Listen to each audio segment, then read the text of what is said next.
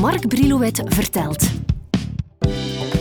Een swingende podcastreeks over de meest iconische hits en hun al even legendarische uitvoerders. Er is niet zo fijn dan te mogen zeggen en ook te durven zeggen dat mensen waarmee je jaren hebt samengewerkt ook een beetje vrienden zijn geworden. Ik ga ze hier niet opsommen, maar ik maak toch een uitzondering voor Helmut Lotti en zijn manager Piet Roelen.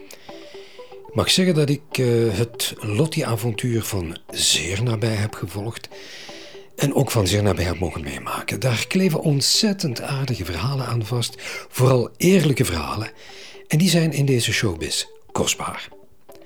Niet dat we hier tipjes van ik weet niet welke sluier gaan oplichten, maar misschien geeft het u een betere kijk op een van de meest boeiende carrières in het Vlaamse muzieklandschap. Helmoet had al aardig wat gepresteerd toen hij besloot met Piet aan het roer in zee te gaan. Na zijn deelname aan de Soundmix Show had hij al een aantal keren bovenaan de Vlaamse top 10 gestaan en goud gescoord met zijn albums.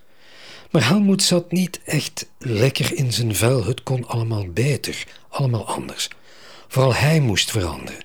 Dat had hij na een tijdje wel door. Het belangrijkste wat er moest veranderen was natuurlijk ikzelf. Want anders ging mijn carrière onmiddellijk de dieperik in. Want wat moest veranderen? Heel mijn attitude. Ik was veel te eerlijk. En ze zeggen altijd: eerlijk duurt het langst. En ik heb het dan niet over zakenpartners, ik heb het gewoon over eerlijkheid tegenover het publiek. Mensen. Oh, wacht even, dat is waar je zegt. Eerlijkheid mhm. loont niet. Mensen zitten niet te wachten op de waarheid. Mensen zitten gewoon te wachten op um, de bevestiging van wat ze zelf willen denken. Daar wachten mensen op. Niemand wil de waarheid horen. Dus jij speelt bewust vanaf toen de show mee? Ja. Ja, en als je ziet waar dat mij dat gebracht heeft, dan kan ik alleen maar zeggen dat eerlijk zijn dus niet werkt. Dat is een hele pijnlijke vaststelling, maar de mensen kunnen eerlijkheid niet aan. Ik heb toen geleerd van, uh, uh, van mijn eerlijkheid, wat liegen doe ik nog altijd niet, maar van uh, de dingen die ik wil zeggen gewoon um, thuis te zeggen. Um, van te zagen in mijn douche in plaats van op het podium. Um, en, en van gewoon constructief te denken in plaats van zelfdestructief. En uh, ik moet heel eerlijk zeggen, de man die mij, die mij dat geleerd heeft, is Piet. Piet, Piet heeft gezegd, uh, jongen, uh, er gelden wetten in de wereld. Um, je, moet, je moet beschaafd zijn. Want ik was wel eerlijk, maar maar eerlijk op een ongelooflijk botte manier. Piet, die, ik ga het nooit vergeten, we, we zitten uh, in Groot Bijgaarden. We kwamen van ergens samen met een auto, we zitten in het wegrestaurant in Groot Bijgaarden. Uh, en Piet zegt dus tegen mij, is het voor u oké uh, dat wij vanaf nu dan samenwerken? Ik heb gezegd, ja, ik zou het niet liever hebben. Hij zegt, wel, dan is er maar één ding dat, dat ik wil dat jij beseft. Dat is dat jij vooral een goede zanger bent en verder de grootste dwaas van de wereld. Daar kwam het eigenlijk op neer. Dus het enige wat jij moet doen is zingen en luisteren. Toen heb ik gezegd: oké. Ik heb Helmoet uh, leren kennen in 1989. Natuurlijk had ik hem in de zomer 89 uh, uh, bij Tien om te zien op televisie wel eens, had ik hem wel eens tegengekomen. Maar het eerste optreden wat ik van hem gezien heb was in, in een discotheek in Hoogstraten. En toen is mij opgevallen wat een fantastische stem heeft dat manneke. Je zegt wel manneke. Hij was toen 19, dus uh, uh, hij was uh, redelijk rebels. had nogal een hele speciale manier van kleding. had de vetkuif van de foute periode van Elvis overgenomen. Maar alle ingrediënten van een briljant zanger had hij wel in zich. En jij zei toen je hem in uh, je stal haalde, je man zijn manager werd, uh, bek dicht, zingen en ik doe dan de rest. Is dat zo belangrijk? Bek dicht en ik doe de rest? Uh, nee, het probleem is, een, een goudsmid kan zijn edelstenen slijpen, veilen en klaarmaken zonder dat iemand zich daarmee bemoeit. Iemand die in de publiciteit staat, die, het wordt, er daar worden te veel foute uitspraken van, van uitgelokt. En Helmoet was uh, vooral in het begin van zijn carrière de ideale mens om foute uitspraken te laten doen, die niet relevant zijn waar hij mee bezig is. In, in, in ons vak is het ook niet alleen belangrijk om heel juist, heel mooi te kunnen zingen, maar het probleem van imago is even belangrijk. Dus je wordt er altijd op afgerekend. En als er heel veel mensen zeggen dat het een heel mooi interview was, moet je vooral kijken welke mensen zijn dat. Zijn dat de mensen ook die geïnteresseerd zijn in jouw muziek? Of zijn het mensen die gewoon geïnteresseerd zijn in spektakel? Voor de zogeheten pers is uh, een goede zanger een singer-songwriter. Uh, je hebt van Lottie van Medevaan, hij heeft natuurlijk songs geschreven en zo en teksten, een performer gemaakt. Is dat belangrijk voor jou? Ik vind het eigenlijk allemaal onbelangrijk. Voor mij is het enige wat telt, is het resultaat. En of dat Michael Schumacher nou zijn auto helemaal zelf uitgevonden heeft en gemonteerd heeft, maakt aan zijn, zijn kunde als chauffeur weinig uit. Ik denk dat Pavarotti ook niet heel veel opera's geschreven heeft. Uh, ik denk dat Elvis dat ook niet gedaan heeft en Frank Sinatra ook niet. Dat maakt hen niet minder kunstenaar. Uh, uh, daarbij denk ik dat iedere kunstenaar op zijn waarde beoordeeld moet worden. En als ik nou moet bekijken wat Helmoet aan zijn eigen CD's zelfs bijgebracht heeft, dan zou ik de discussie wel eens aan willen gaan. Wat wij bijvoorbeeld met Out of Africa, met de van de basis beginnende, wat we daar uiteindelijk van gemaakt hebben. Dan vind ik dat een briljante inbreng van deze jongen. Van heel die reeks, welke is voor jou persoonlijk, hè? Uh, wars van verkoopcijfers, producties, welke is voor jou de mooiste? Het is elke keer de laatste geweest. Ja, maar goed, maar voor Helmoet, Helmoet zei bijvoorbeeld Classics 3 is voor hem een droom-cd. Heb jij zo één? Nee, elke, wij komen elke keer uit de studio en dan denk is bij mij iedere keer geweest van, dit is zo mooi, zo mooi hebben we het nog nooit gedaan. In 2004 moest Helmoet 12 concerten uh, annuleren wegens problemen met zijn stem. En toen zijn we alle twee, zonder dat we het wisten, thuis gaan luisteren naar het hele repertoire.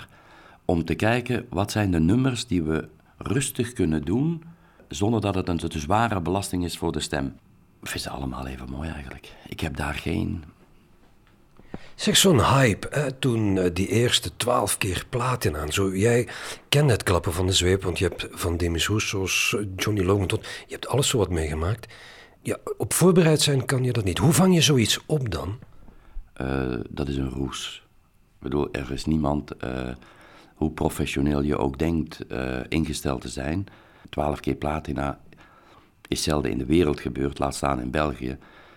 Dat is een roes en dat is een, een, een orgasme van drie maanden lang. Daar word je moe van. Uit een roes ontwaak je. Was het ontwaken of is die roes nog bezig? De grap is, bij Helmoet was de roes in december 1995 in België. Uh, maar diezelfde roes is dan ontstaan in het voorjaar 1996 in Nederland dan denk je bij jezelf, shit, we hebben nu de wereld veroverd. En plotseling blijkt Duitsland dan niet geïnteresseerd te zijn wat er hier in de lage landen gebeurt. Moet je daar weer van nul af aan beginnen. En dan is het 1997 en dan ontploft Duitsland. En dan heb je weer zoiets. Ik denk dat uh, uh, Zuid-Afrika ontploft is in 1996.